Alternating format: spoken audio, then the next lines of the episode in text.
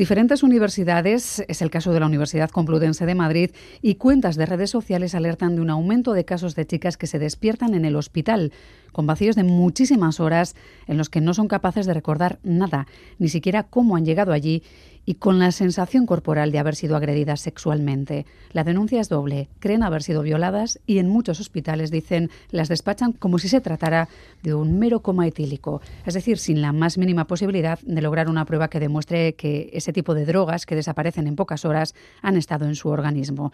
Soy Miriam Duque, la encargada de abriros esta Gambara Negra, un podcast de crónica negra en el que hacemos que ciencia, especialistas y pruebas hablen más que nosotros para recomponer la actualidad y tratar de entender la mente de quienes se escoran al lado oscuro.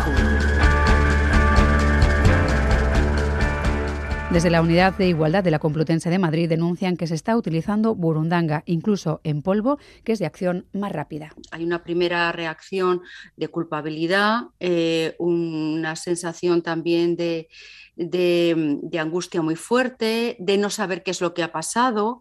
Efectivamente, se producen, como muy bien habéis dicho, lo habéis dicho excelentemente. Normalmente hay un proceso de sumisión química, bien por alcohol, bien por drogas. Eh, estamos muy alarmadas también porque ahora incluso soplan la burundanga a la, cara, ¿no? O sea que, ya no es ni siquiera que ingieras ninguna, ninguna bebida. Entonces, en este proceso lo fundamental es que la persona esté acompañada y esté bien. Magdalena Suárez eh, es jurista y es responsable de la Unidad de Igualdad de la Complutense. Algunos delincuentes sexuales intentan utilizar técnicas cada vez más complejas. También cuentan y nosotros contamos con medios eh, mejores para detectarlos. Un equipo de la Universidad de Valencia ha creado una prueba que en cuestión de segundos detecta si hay restos de alguna droga en la bebida. Esta noche hablamos del kit para detectar la presencia de drogas de sumisión desarrollado en la Universidad de Valencia. Ana María Costero es catedrática de Química Orgánica y ha dirigido esta investigación Ana María, ¿qué tal? Buenas noches. Buenas noches. Este kit tiene una función muy clara, eh, evitar una posible sumisión química y evitar las consecuencias, ¿no? Como puedan ser una agresión sexual posterior. Efectivamente. Lo que pasa es que nuestro kit no detecta burundanga porque nosotros hemos abordado el problema de otra droga que es quizás menos conocida o que es el éxtasis líquido, que es el ácido galmedrosibutírico, pero que también se utiliza con la misma finalidad. Entiendo que quizás incluso en mayor medida, ¿no? Que cuando se selecciona un tipo de droga para una investigación como la vuestra, entiendo que es porque se han producido un aumento de casos o de preguntas sobre el tema. Efectivamente, hay un aumento de casos, pero el problema más grave que nosotros hemos detectado es que, eh, así como la escopolamina, que es lo que se conoce vulgarmente como burundanga, hay muchos métodos para detectarla, el GHB no hay prácticamente ninguno, a no ser métodos muy sofisticados de instrumentación.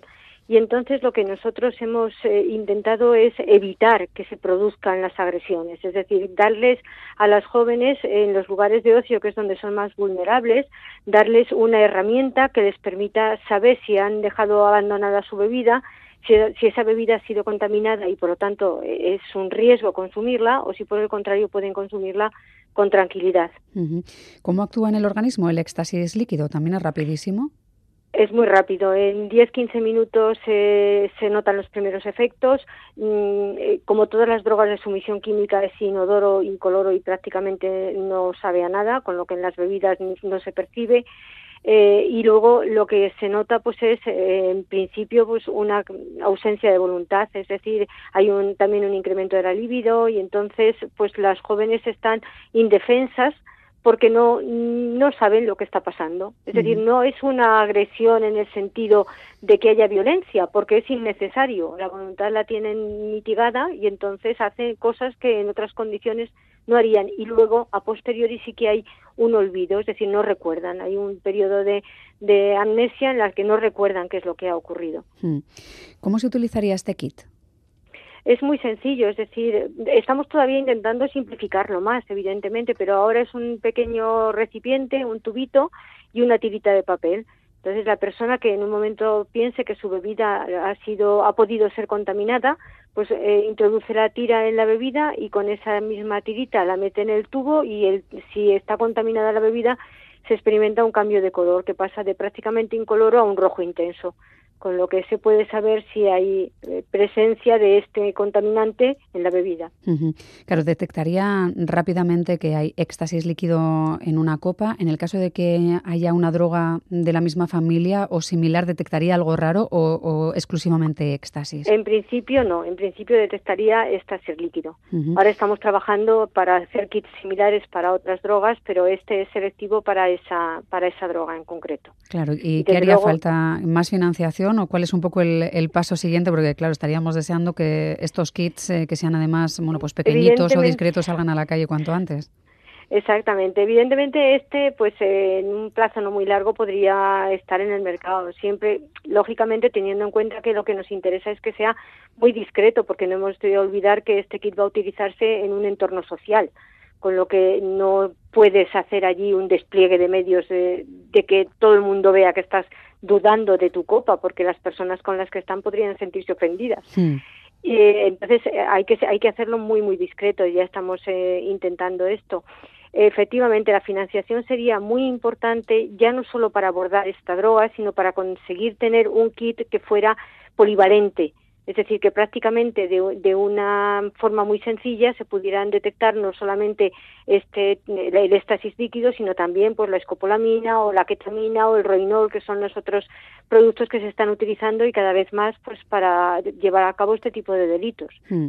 Escuchábamos hace un momento también un fragmento de la conversación con la directora de Igualdad de la Unidad de Igualdad de, la Universidad Complutense, explicando bueno, pues que, hay joven, que hay jóvenes que llegan con grandes vacíos, que acaban en el hospital sin saber qué ha pasado que denuncian que les han soplado esa droga. Entiendo que hay coordinación con departamentos como el vuestro para pedir esas investigaciones. No sé si en, la Universidad de Valencia también os llegan del Departamento de, Igualdad este tipo de, denuncias para orientar un poco las investigaciones.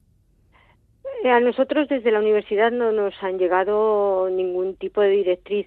Lo que sí que es cierto es que eh, desde el punto de vista del interés social eh, de estos problemas, pues el grupo de investigación piensa que la sociedad le financia su investigación y por lo tanto el grupo debe devolver un servicio a la sociedad. Mm. Y entonces somos nosotros los que hemos iniciado este tipo de investigación en concreto porque pensamos que es un problema muy grave que tiene la sociedad y que tenemos que abordarlo, porque es que cada vez eh, son más llamativas eh, las denuncias y, y los métodos en que suministran esta droga, no solo lo que han dicho antes del soplido, es que en el Reino Unido las noticias de que ahora pinchan y te lo inyectan. Bien es cierto que en estos casos, si a ti te soplan algo en la cara, eres consciente de que ha ocurrido algo y si te pinchan mm, puedes darte cuenta de que ha ocurrido algo. Si te lo ponen en la bebida, puedes no darte cuenta de que, de que ha ocurrido algo anómalo. Hmm. Lo malo es que, si es muy rápido, aunque te pinchen o, lo inhales, igual no tienes tiempo suficiente de localizar a, bueno, en todo caso, alguien conviene no separarse, eso es. Pero a veces no hay tiempo para encontrar a alguien de confianza, pero bueno, hay que avanzar en este tipo de, cuestiones. Ana María, si alguien nos dice, claro, estáis hablando de, este tipo de cosas, eh, que quienes eh, tratan de, drogar a, a chicas no deben saber que se está investigando. Cuanto más se hable de todo esto, probablemente en menos casos se producirán o menos intentos, ¿no? No, no, eso es evidente y hay que darle toda la publicidad que podamos y más. Pero lo que yo me refiero es que si mm, tú eres una joven que está intentando establecer una relación con unos amigos a los que tienes allí en un pub o en una discoteca, no les puedes demostrar abiertamente que desconfías de ellos. Hmm, ese, es el, sentido de la discreción, pero efectivamente eh, algo habremos ganado. Es decir, ya con el hecho de que se sepa que existe este kit, habremos disuadido a alguien de utilizarlo. Pues esperemos que, así sea, que haya financiación para que cuanto antes estén en el mercado y bueno, y si pudiera ser que no hicieran falta, pero como creemos que eso no va a ser así de fácil, pues le agradecemos mucho al equipo de Ana María Costero, catedrática de Química Orgánica de la Universidad de Valencia, el trabajo que han desarrollado y que nos, haya, nos lo haya contado un ratito aquí en el programa. Ana María, un abrazo. Muchas gracias. Gracias a ti, Agur.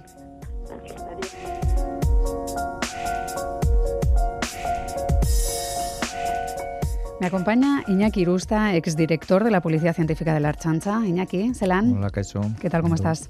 ¿Todo bien? Todo bien. Rafael Alcaraz, forense jubilado. Hola, Rafa. Hola. ¿Todo bien? Muy bien. Muy bien, ¿no? Y Carlos Basas, escritor especializado en novela negra. Hola, Carlos. Hola, ¿qué tal? ¿Qué tal? ¿Todo bien? Todo bien. Bueno, eh, Iñaki, aquí no hay demasiados casos confirmados que sepamos de uso de burundanga, pero ¿se están haciendo pruebas en corto periodo de tiempo o en el corto periodo de tiempo que hay de margen para que no se vaya del organismo para que podamos decir que efectivamente estamos libres de, este tipo de cuestiones? Bueno, primero aclarar un par de cuestiones. Utilizamos el término burundanga, es un término genérico, yo creo que por viene además de África ese término. Eh, el origen de todo es de una flor que es de la datura de estramonio, que de esas flores contiene unas semillas eh, que son dos alcaloides y que una de ellas eh, es la escopolamina que ha estado comentando antes la catedrática. Eso mezclado con una serie de, de sustancias químicas es donde efectivamente luego produce la, la, burundanga, ¿no? Eh, sí que es difícil de detectar, sí que es difícil de detectar porque tenemos en cuenta que te podemos analizar a través de la sangre, a través de la orina o si no del cabello. En la sangre estamos hablando de términos o de plazos o de tiempos muy cortos, entre 15 y 30 minutos aproximadamente, desaparecería el efecto, por lo cual ya no podríamos analizarlo. En 20 minutos de la inhalación, o sea que tendría que ir inmediatamente alguien al hospital y decir que algo le ha pasado. Eh, en lo que es la orina tendríamos en un plazo de más o menos entre 6 y 12 horas ¿eh? y posteriormente la única prueba que nos quedaría para hacer un análisis sería el del cabello. Esa primera toma que se realiza es una toma de control, porque para hacer la analítica de cabello que había que hacer a través de la espectrometría de gases y la cromatografía de masas, pues al final hay que hacerla al de un mes. Hay que devolverle a la víctima, hacer una recogida nueva de ese cabello para hacer la comparativa, que creo que es el único caso positivo que se dio en Palma de Mallorca en el año 2016 por un intento de, bueno, pues eh, por parte del exmarido, que estaban en trámites de divorcio y demás, ¿eh? creo. Claro, pero muchas de esas denuncias compatibles con el uso de drogas de sumisión, eh, pues escopolamina, como decíamos, eh, que se utilizan en mucha ketamina, que se utiliza, bueno, pues para intentar violar o para que bajes tanto las... Mm, las defensas que, no sepas ni, ni lo que te está ocurriendo. Claro, si en un hospital se despachan como si fueran comas etílicos, tenemos un serio problema porque nadie hará esas pruebas, ¿no? Y no se guardarán esas claro, pruebas. Claro, ahí está el tema. Al final se disfraza o se camufla con otros síntomas y otros efectos. Eh, las, los estudios eh, que se han realizado al respecto de estos síntomas con el resultado que se hace en el hospital, el 77% ha dado temas de alcohol. ¿eh? Eh, ¿Por qué no se hace expresamente la analítica de este, de este componente? Porque para lo cual necesitaríamos una requisitoria, un oficio judicial, para remitir al Instituto Nacional de Toxicología de Madrid y hacer esos estudios que se requieren. Pero estamos hablando que para cuando la víctima ha reaccionado, ha sido consciente de todo lo que ha pasado, ya esas primeras posibilidades de analítica han desaparecido. ¿Eh? Entonces, por lo tanto, los plazos son muy cortos, ¿eh? mm. muy cortos. Y hay la doble denuncia que mencionábamos, el que realizan, el que si nadie te cree en el momento en el que tú llegas a un hospital diciendo que no te acuerdas de nada de toda una noche y, que la situación parece grave, bueno, se pues genera el estereotipo. Pues ha bebido, tiene consumo de alcohol, consumo de drogas, diferentes drogas y tal, y se clamufa y se queda con eso, se hace un lavado de estómago y bueno, mm. pues al final es lo que... Rafa, los análisis para detectarlas eh, se hacen en algunos casos en la raíz del pelo, como mencionábamos. ¿Son más efímeras eh, este tipo de drogas que otras que permanecen más en el tiempo? Bueno, son de tiempo de vida media muy baja y son difíciles las detecciones por, por ese tema. No es en la raíz del pelo, es en el pelo. En el pelo. el pelo. El tema es que no solamente eso, sino un estudio detallado de la víctima una vez que ella vuelve a, su ser normal, pues tiene una serie de ventajas que son importantes e incluso pueden llegar a ser diagnósticas. No es lo mismo que alguien se tome tres tragos y tenga esa desinhibición, ese incremento de la amistad, esa verborrea, a que de repente tenga una tangana de tres padres.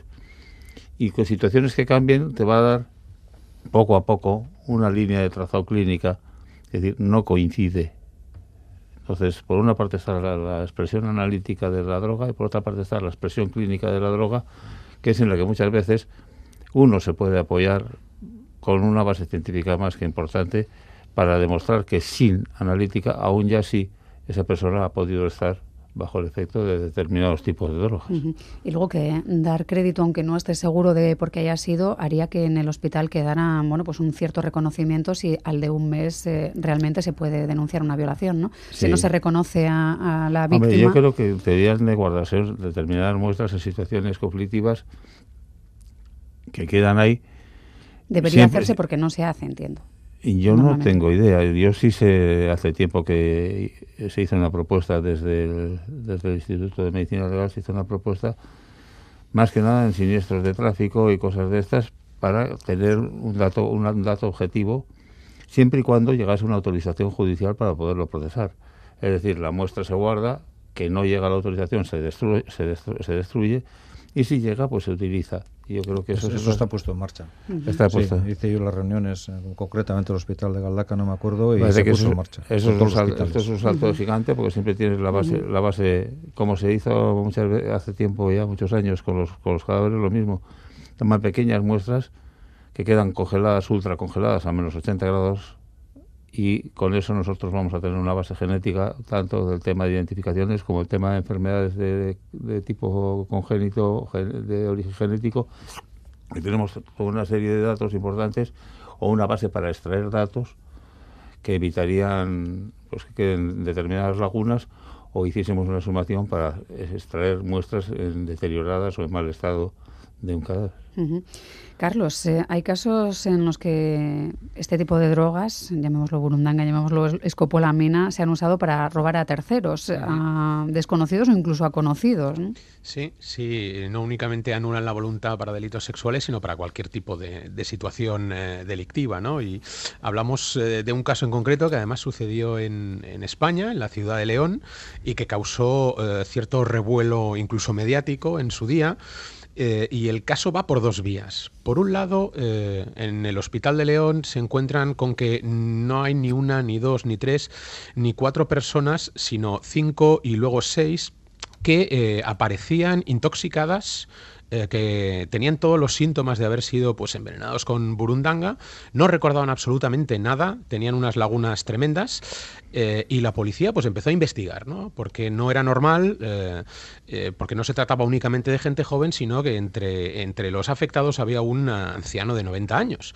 Con lo cual, pues bueno, la prensa se hizo eco, la policía empezó a investigar y a tirar del hilo. Y paralelamente a esto hubo una chica eh, que se llamaba Natalia, que eh, se presentó un día en la policía para denunciar un caso de extorsión, que le habían parado mientras conducía su coche, eh, dos individuos se habían bajado de él, le habían amenazado y le exigían un pago de 200.000 euros.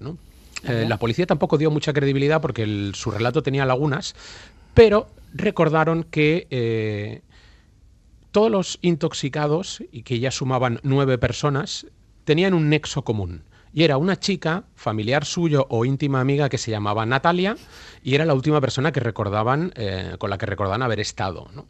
Eh, lo que hicieron los investigadores es empezar a investigar a esta Natalia a raíz de su propia denuncia falsa y a raíz de esas coincidencias. Y destaparon todo el tema. ¿no?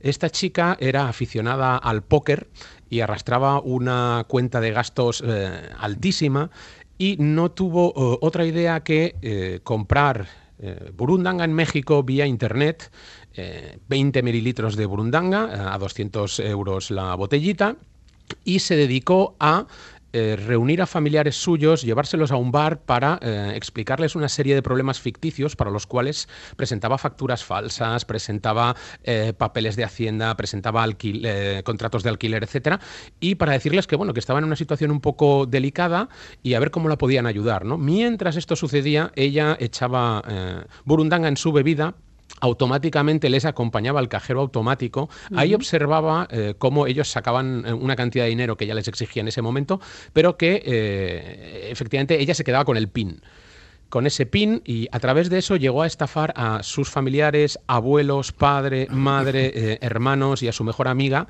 41.000 euros. Y lo hubiera seguido haciendo si no llega a ser porque la policía pues encontró ese mm. nexo común que era eh, pues esta chica que era muy conocida además en, en León porque Era, federada en un deporte Una chica muy amable. sí, sí, sí, y se dedicaba a financiar su gran vicio que era el póker eh, a través de, eh, pues bueno, esa burundanga y a través de ir eh, esquilmando a sus y me parece muy profesional la parte de enseñar facturas falsas, teniendo en cuenta que si les va a drogar para conseguir que hagan su voluntad sin tener voluntad ninguna, ¿no? O sea, enseñarles facturas previas fue, era fue, bueno, fue pues un caso toque- tremendo porque fue un caso tremendo porque además se trataba de una chica joven, ¿no? O sea, en, en ese momento tenía 24 años cuando fue cuando fue detenida, eh, posteriormente juzgada y encarcelada porque las pruebas eh, en su contra se, se acumulaban, pero eh, fue un caso muy muy muy sonado en una pequeña ciudad de provincias como es León, bueno, como si hubiera pasado tres cuartos de lo mismo en Pamplona, ¿no? Y estaba toda la ciudad eh, absolutamente alucinada porque claro, Y repasando al- sus cuentas, claro. Sí, sí, sí, no, ya al principio era como, bueno, claro, son los primeros, las primeras víctimas eran jóvenes y todo el mundo, pues yo creo que no, no, no, no no les creían, ¿no? Era como, "Buah, eso ha sido una borrachera, lo que decíamos antes, ¿no?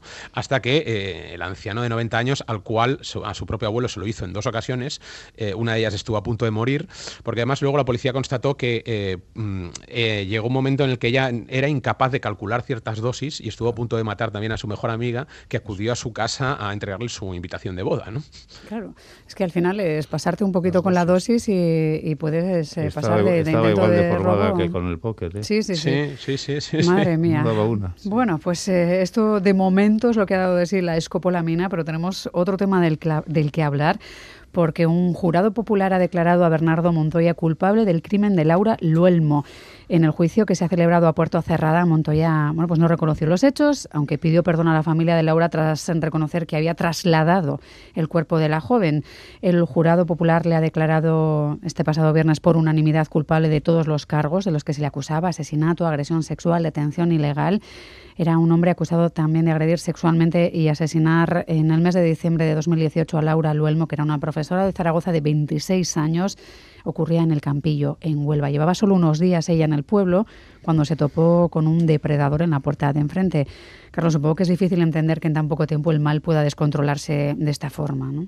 Bueno, es, complicado, ¿no? Es complicado y eh, yo a base de escuchar a muy buenos amigos que tengo dentro de los mejores perfiladores y, criminólogos de, este país, eh, hablas con ellos y, bueno, eh, te, cuentan pues, eh, determinadas cosas, determinados comportamientos, eh, determinadas formas de ser que vienen de lejos, que se desarrollan con el tiempo, pero que eh, si se diera la importancia a la perfilación y a la criminología y al estudio y al análisis del comportamiento criminal, yo creo que se ayudaría en casos como estos. No tanto a prevenir, porque muchas veces es complicado, pero sí a prevenir una vez determinadas conductas criminales han pasado por la cárcel a que salgan antes de tiempo. No sé si recordáis eh, el caso, Rafa. ¿Realmente ha sido una condena muy rápida o son de estos casos que, que, bueno, pues que en menos de, de una semana el juicio ha sido rápido? Entiendo que porque no había mucha escapatoria, ¿no? A pesar de que ha intentado disculpar a su expareja. Bueno, ha intentado inculpar, Inculpar. porque... Eso sí, perdón. Porque esta gente ah, miente más que habla. Eso es una de sus características de personalidad. Por otra parte, son muy impulsivos, son muy agresivos, son muy irritables, son enormemente violentos. Y está Luego- bien que digáis son porque tiene un hermano gemelo, ¿no? Sí. Que es lo más aterrorizante de este caso, probablemente, Pues, ¿no? Que eran Bernardo y que, Luciano que ve- que Montoya. vengan, que vengan por parejas es un, todo un Sí. premio, eso está claro. No Y únicamente, luego la no únicamente de- gemelo físicamente, sino eh, en comportamiento delictivo y por criminal. ¿no? eso, Esto es por lo eso. interesante. Mm. Y son enormemente irresponsables y son incapaces de prever. Por lo tanto, la, la metodología del delito puede ser normalmente muy burda y se lo ha puesto muy clarito al tribunal. Eso está que- es Mm. Sí, la verdad evidente. es que es eh, terrorífico pensar en si esto nos puede llevar a algunos a pensar en que existe la semilla del mal.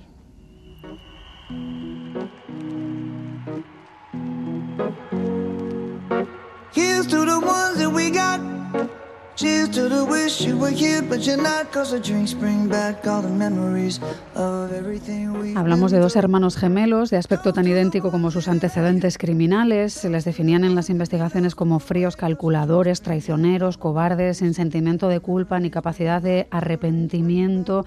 Y entre las cuestiones que se recopilaban en el pueblo, Carlos, eh, bueno, para todos va, es que a nadie le quedaba del todo claro quién era el hermano que estaba en libertad cuando salió uno de ellos, ¿no? Que eso entiendo yo que hace que el miedo sea más tremendo, ¿no? Porque nunca sabes muy bien ante quién estás o si eso les podría esculpar en caso de, una duda razonable. Mm, sí, lo, primero y más curioso es que eh, son más las parejas de gemelos delincuentes que eh, encontramos a lo largo de la historia, sobre todo en Estados Unidos, eh, quizá la documentación al respecto en Europa sea menor, más de los que la gente se creería, ¿no? Por un lado tenemos a esas parejas de gemelos delincuentes ambos, eh, y que tienen unos patrones de comportamiento eh, muy parecidos, eh, cuando no idénticos, estando separados o estando juntos. Pero luego hay otros casos más curiosos que son los que desde un punto de vista científico y policial son más interesantes, que son aquellos en los que el delincuente es únicamente uno de ambos gemelos y no se puede llegar a determinar eh, a través de los análisis normales de, ADN quién de los dos ha sido, ¿no? el, desafío que eso plantea a la policía. Hay dos casos muy, muy emblemáticos en este sentido. Un primer caso es eh, sucedió en noviembre de 1999 en Estados Unidos. Eh, una joven de 26 años fue brutalmente violada en el parking de un centro comercial en, en un pueblecito de Michigan y el delincuente dejó eh, todo tipo de muestras, ¿no? ADN, eh, saliva, cabellos, eh, esperma, etcétera, pero no estaba en el sistema, con lo cual, pues bueno, a la policía en ese momento no le sirvió de mucho. Muy desorganizado, que dirían, ¿no? En las series o en la televisión. Sí, pues bueno, hasta que no tuvieran algo con lo que comparar, pues mm. el caso se enfrió y cinco años después hubo otro preso también eh, detenido por un delito sexual, aunque no era de violación, que solicitó una libertad condicional y para ello tuvo que dar una muestra de ADN. Eh, el, shock vino cuando los policías eh, descubrieron que esa muestra de ADN que había dado ese preso coincidía perfectísimamente con el caso de la joven violada. y bueno, mm, se dieron cuenta, porque no habían caído hasta ese momento, en que el supuesto agresor tenía un gemelo y jamás pudieron determinar en ese momento, estamos hablando del año 99, jamás pudieron determinar cuál de los dos hermanos, ni siquiera con eh, otro tipo de elementos o de pruebas eh, eh, como posibles coartadas, localización por móvil, etcétera, nunca pudieron determinar cuál de los dos gemelos era el verdadero culpable de esa violación brutal, ¿no? Porque claro, ella al dar testimonio y al hacer el reconocimiento de la víctima, pues eh, era incapaz de distinguir, ¿no? Y eh, pues bueno, mm, eh, la verdad es que ambos fueron exculpados por, por la imposibilidad de demostrar quién de los dos era culpable, ¿no? Algo así me refería yo cuando recordaba lo de que en el pueblo no sabían muy bien cuál era el que estaba en prisión y cuál estaba en libertad por el terror que eso puede generar.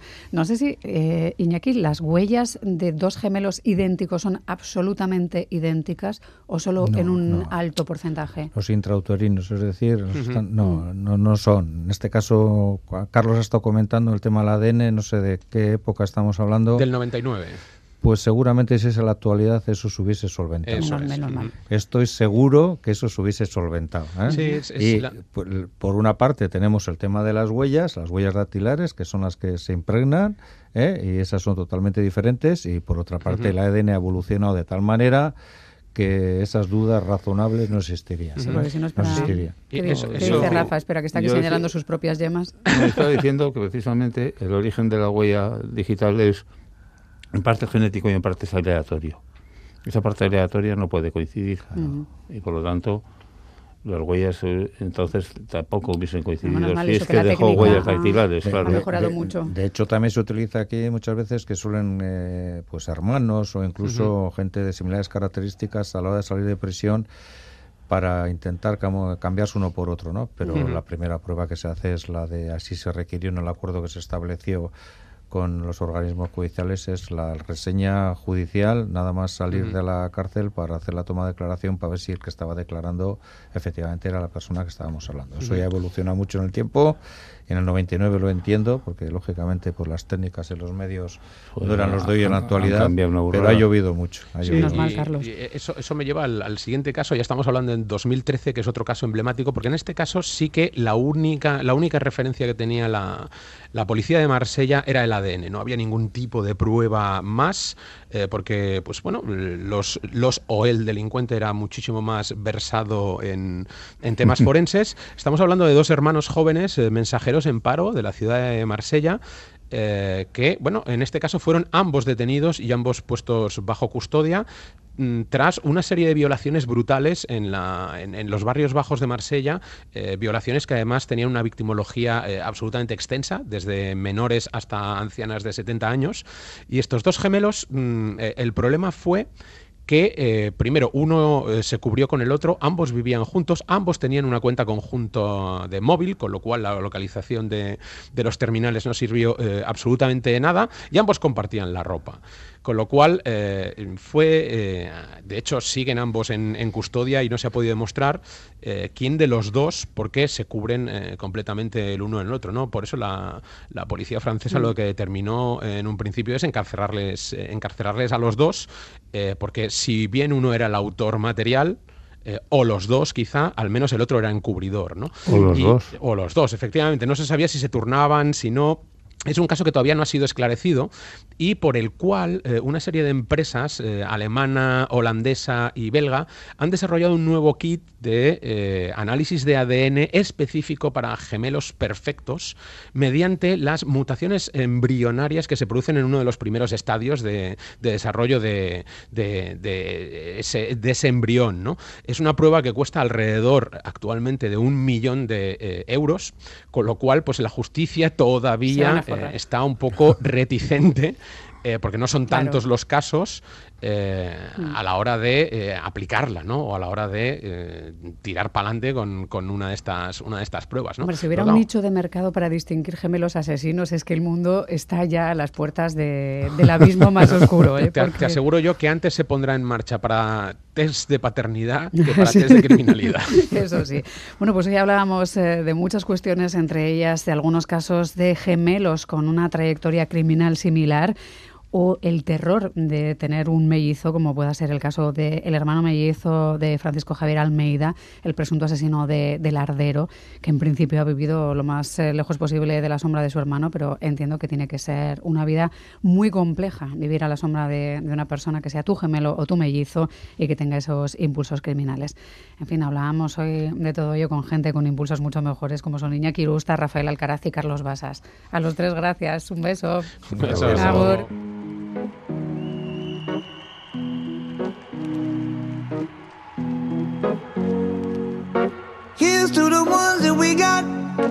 Cheers to the wish you were here, but you're not. Cause the drinks bring back all the memories of everything we've been through. Toast to the ones that today. Toast to the ones that we lost on the way. Cause the drinks bring back all the memories. And the memories bring back, memories bring back your. Dos mujeres desaparecidas con cinco años de diferencia. No se conocen, jamás se han visto. Una nació en Salamanca, la otra en Buenos Aires. Solo les une un nexo. Han vivido en el mismo chalet de Majada Honda, pero en épocas distintas. Es parte de La Hermandad del Mal, el último libro de Cruz Morcillo. Pueden pensar que es el comienzo de una historia de misterio, pero no lo es. Es una historia tan oscura como real. Esta es la crónica que esta periodista ha escrito en torno al descuartizador de Majada Honda, cuya pista también ha seguido Maya Lengalparsoro dos mujeres desaparecidas sin aparente relación entre ellas. Liria, tía de Bruno Hernández y dueña del chalet de Majada Honda. Adriana, inquilina del chalet después de que Bruno le alquilara una habitación. Ahí está la conexión. Las dos desaparecieron en la misma casa.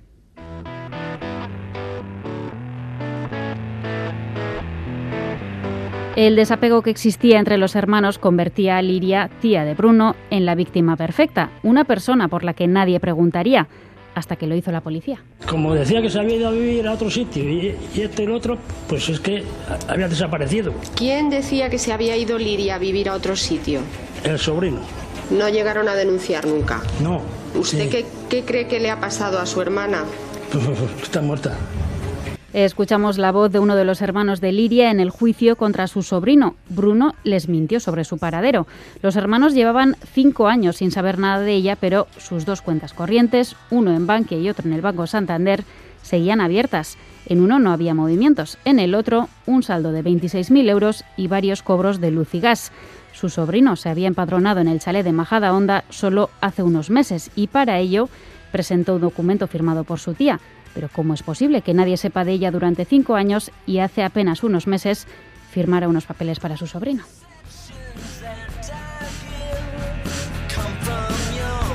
La policía sospechó que había falsificado la firma para quedarse con la casa y teniendo la casa le sobraba a la tía. Durante algún tiempo arrendó habitaciones a otros inquilinos. Una de ellas fue Adriana, que también desapareció. Su familia la buscó, incluso acudieron al chalet, pero nada. Y Bruno llegó a mandar mensajes falsos utilizando el móvil de Adriana diciendo que se había ido de viaje. Los amigos y familiares nunca se lo llegaron a creer.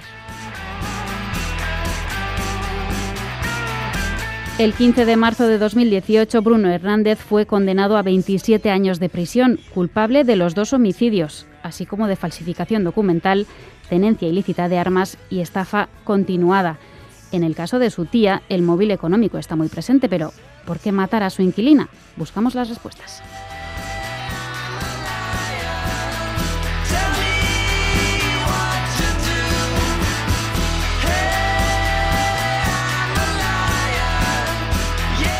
Cruz Morcillo es la autora de este libro que tengo en mis manos, La Hermandad del Mal. Cruz Morcillo, Gabón, muy buenas noches.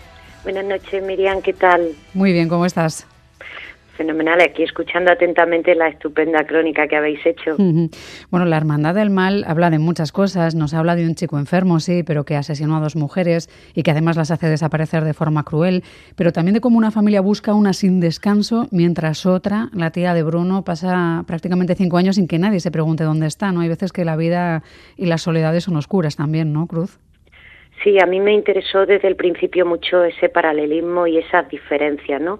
Eh, la única confluencia entre esas dos vidas es, ese chalet, como tú, como explicabais antes, nunca jamás se cruzaron, pero mi pregunta recurrente era la que tú te acabas de hacer, ¿cómo puede estar alguien cinco años sin que, sin que nadie la eche de menos? Eran hasta, eran siete hermanos los que eran en total con Liria y, y nadie se preocupó y eso quedó el testimonio que habéis puesto, la declaración de, creo que era Ángel, eh, lo deja muy claro, pero fueron todas en el mismo sentido. Parece imposible que, que, alguien pase por la vida y que deje ese rastro tan, tan exiguo, tan volátil, a mí eso me, me perseguía, ¿no? Hmm. Sí, da, da que pensar, ¿eh? Lo que puede llegar a pasarte en las soledades y, bueno, seguramente pues todos tomamos malas decisiones, hacemos que las relaciones de nuestro entorno no sean lo fluidas que, que deben ser, pero acabar en el olvido es muy terrible, la verdad. Bueno, este libro comienza con la historia de Adriana, pero realmente todo empieza cuando Bruno se traslada a casa de su tía Liria en Majadahonda. Bueno, quizás empieza un poco antes cuando él eh, ya empieza a desequilibrarse, pero no pierde los nervios con facilidad, ¿verdad? Fue además capaz de mantener la desaparición de su tía en secreto bastante tiempo e intentar organizar bueno, pues unas estructuras narrativas alrededor de, sus mentiras para ir dándose cobertura y, y aguantó bastante tiempo. ¿no?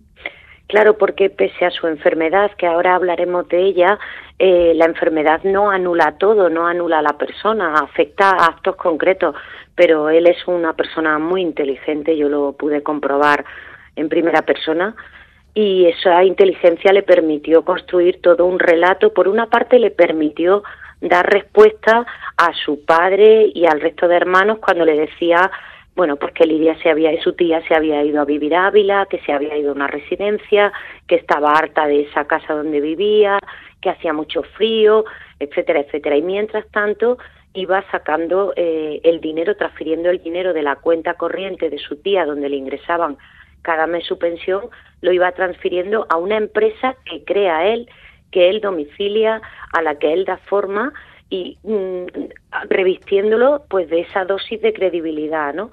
Además mantiene el chalet y hace creer a todos que su tía se lo ha cedido por 15 años para que alquile las habitaciones, de manera que nadie pregunte por qué tiene, por qué entra gente en esa casa y por qué se alquilan esas habitaciones.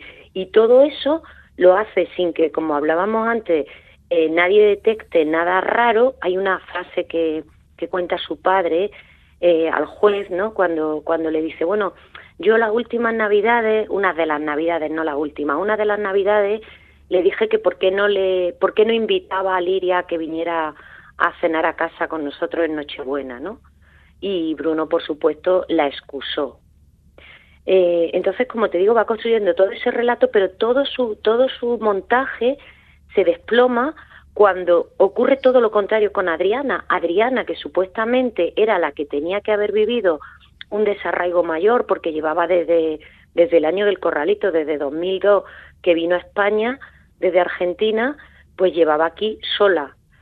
Acaba de volver de visitar a su familia y al día siguiente de que no responda a las llamadas, su hermano ya se preocupa y toda su familia.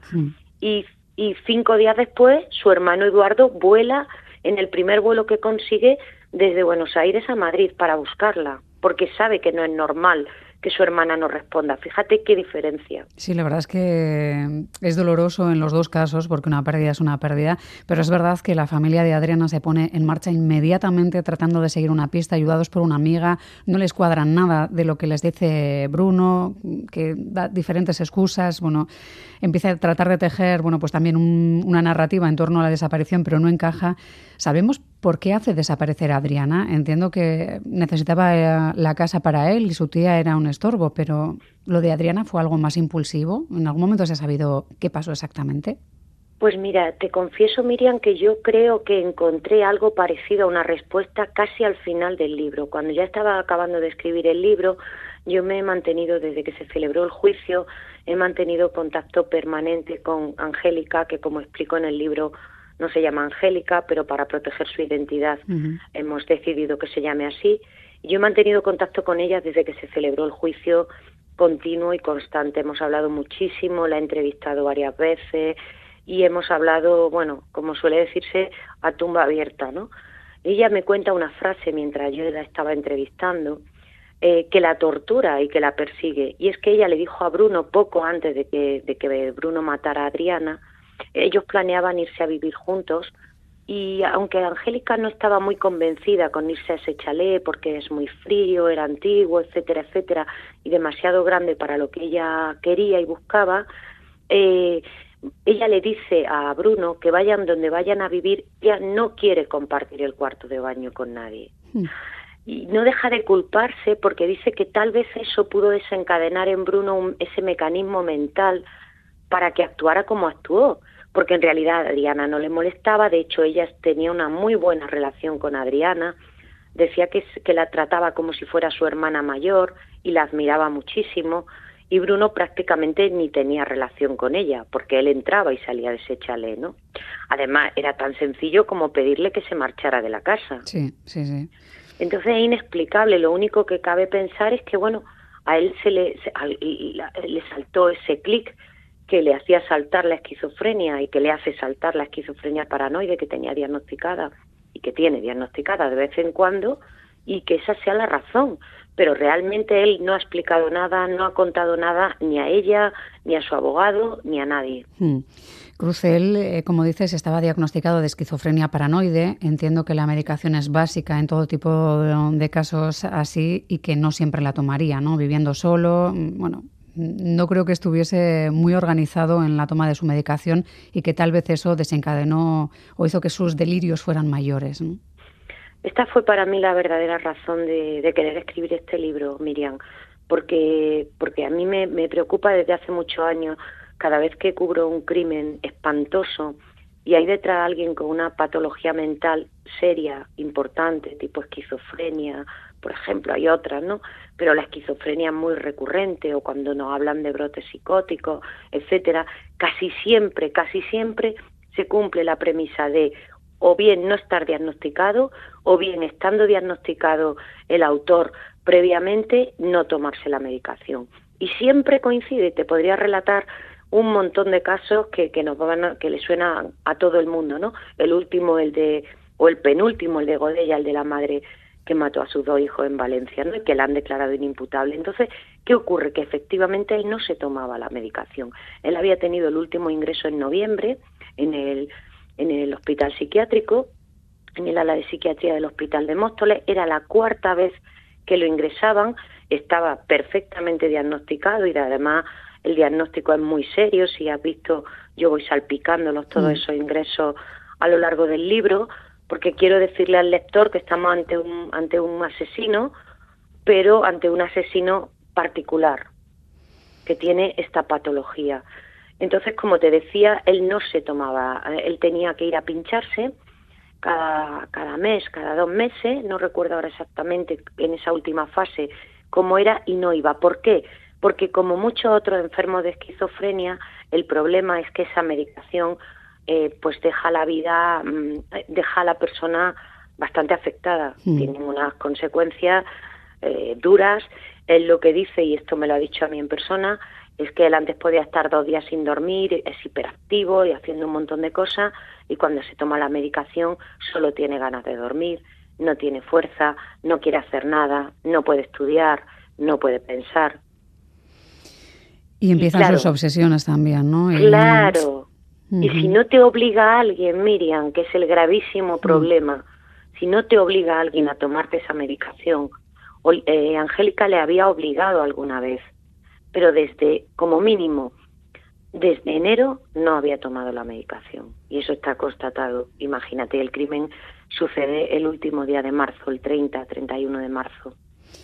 Entiendo que él también tiene sus fijaciones, ¿no? Eh, ¿Él qué cree que significan las letras ER? Le vemos en alguna de las fotografías señalándola, sonriente, porque entiendo que él cree que hay una cierta conspiración, ¿no? En, en el mundo, que es algo también habitual en este tipo de casos, ¿no? Sin medicación siempre. Exacto, la esquizofrenia ya sabes que cursa a veces con delirios, con voces que te persiguen o con personas que te persiguen o con organismos que te persiguen. Entonces él por una parte siente que él dice que pertenece a la hermandad de la ER. La hermandad de la ER es todas aquellas palabras en castellano o en inglés porque él es bilingüe.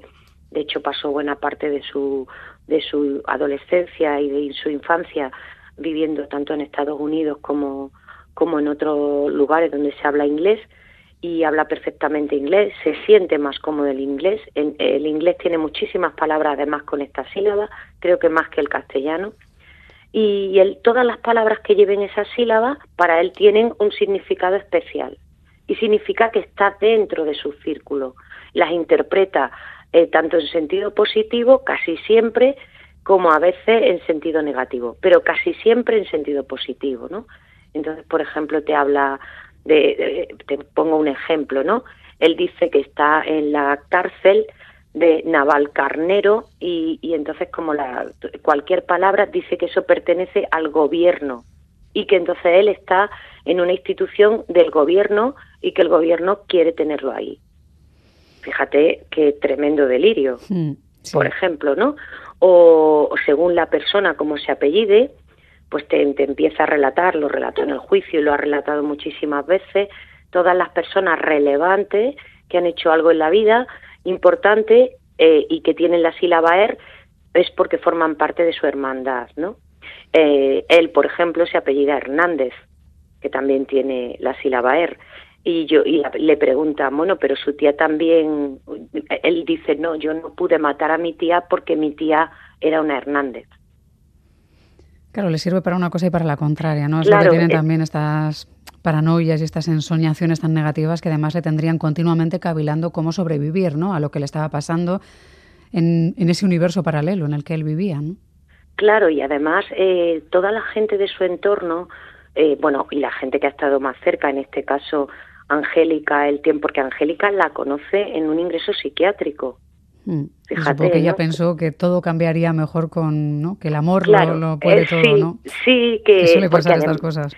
Y además él es una persona, le, le describen así, ¿no? Aparte de inteligente, muy cariñoso. Ella dice que, que es lo mejor que le ha pasado en la vida. De hecho, tiene una hija con él, un bebé, que, que además es, eh, es la, la niña, la engendran cuando acaba de matar a Adriana. Obviamente Angélica no sabe absolutamente nada de esto, claro.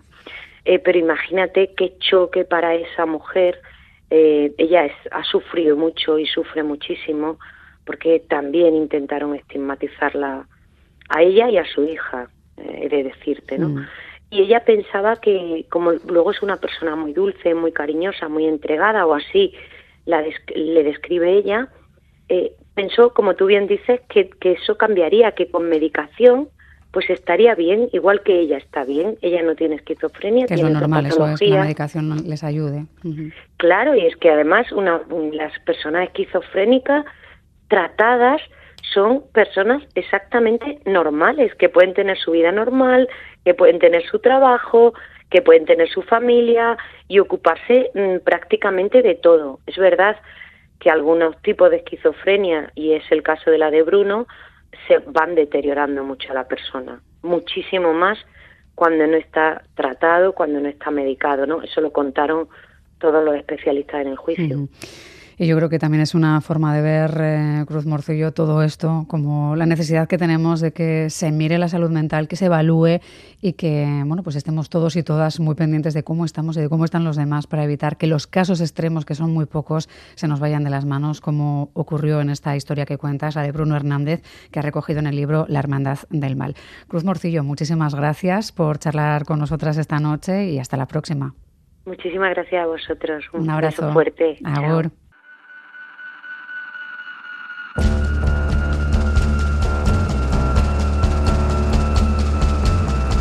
Gambara Negra, el podcast de crónica negra e investigación de EITB Podcast.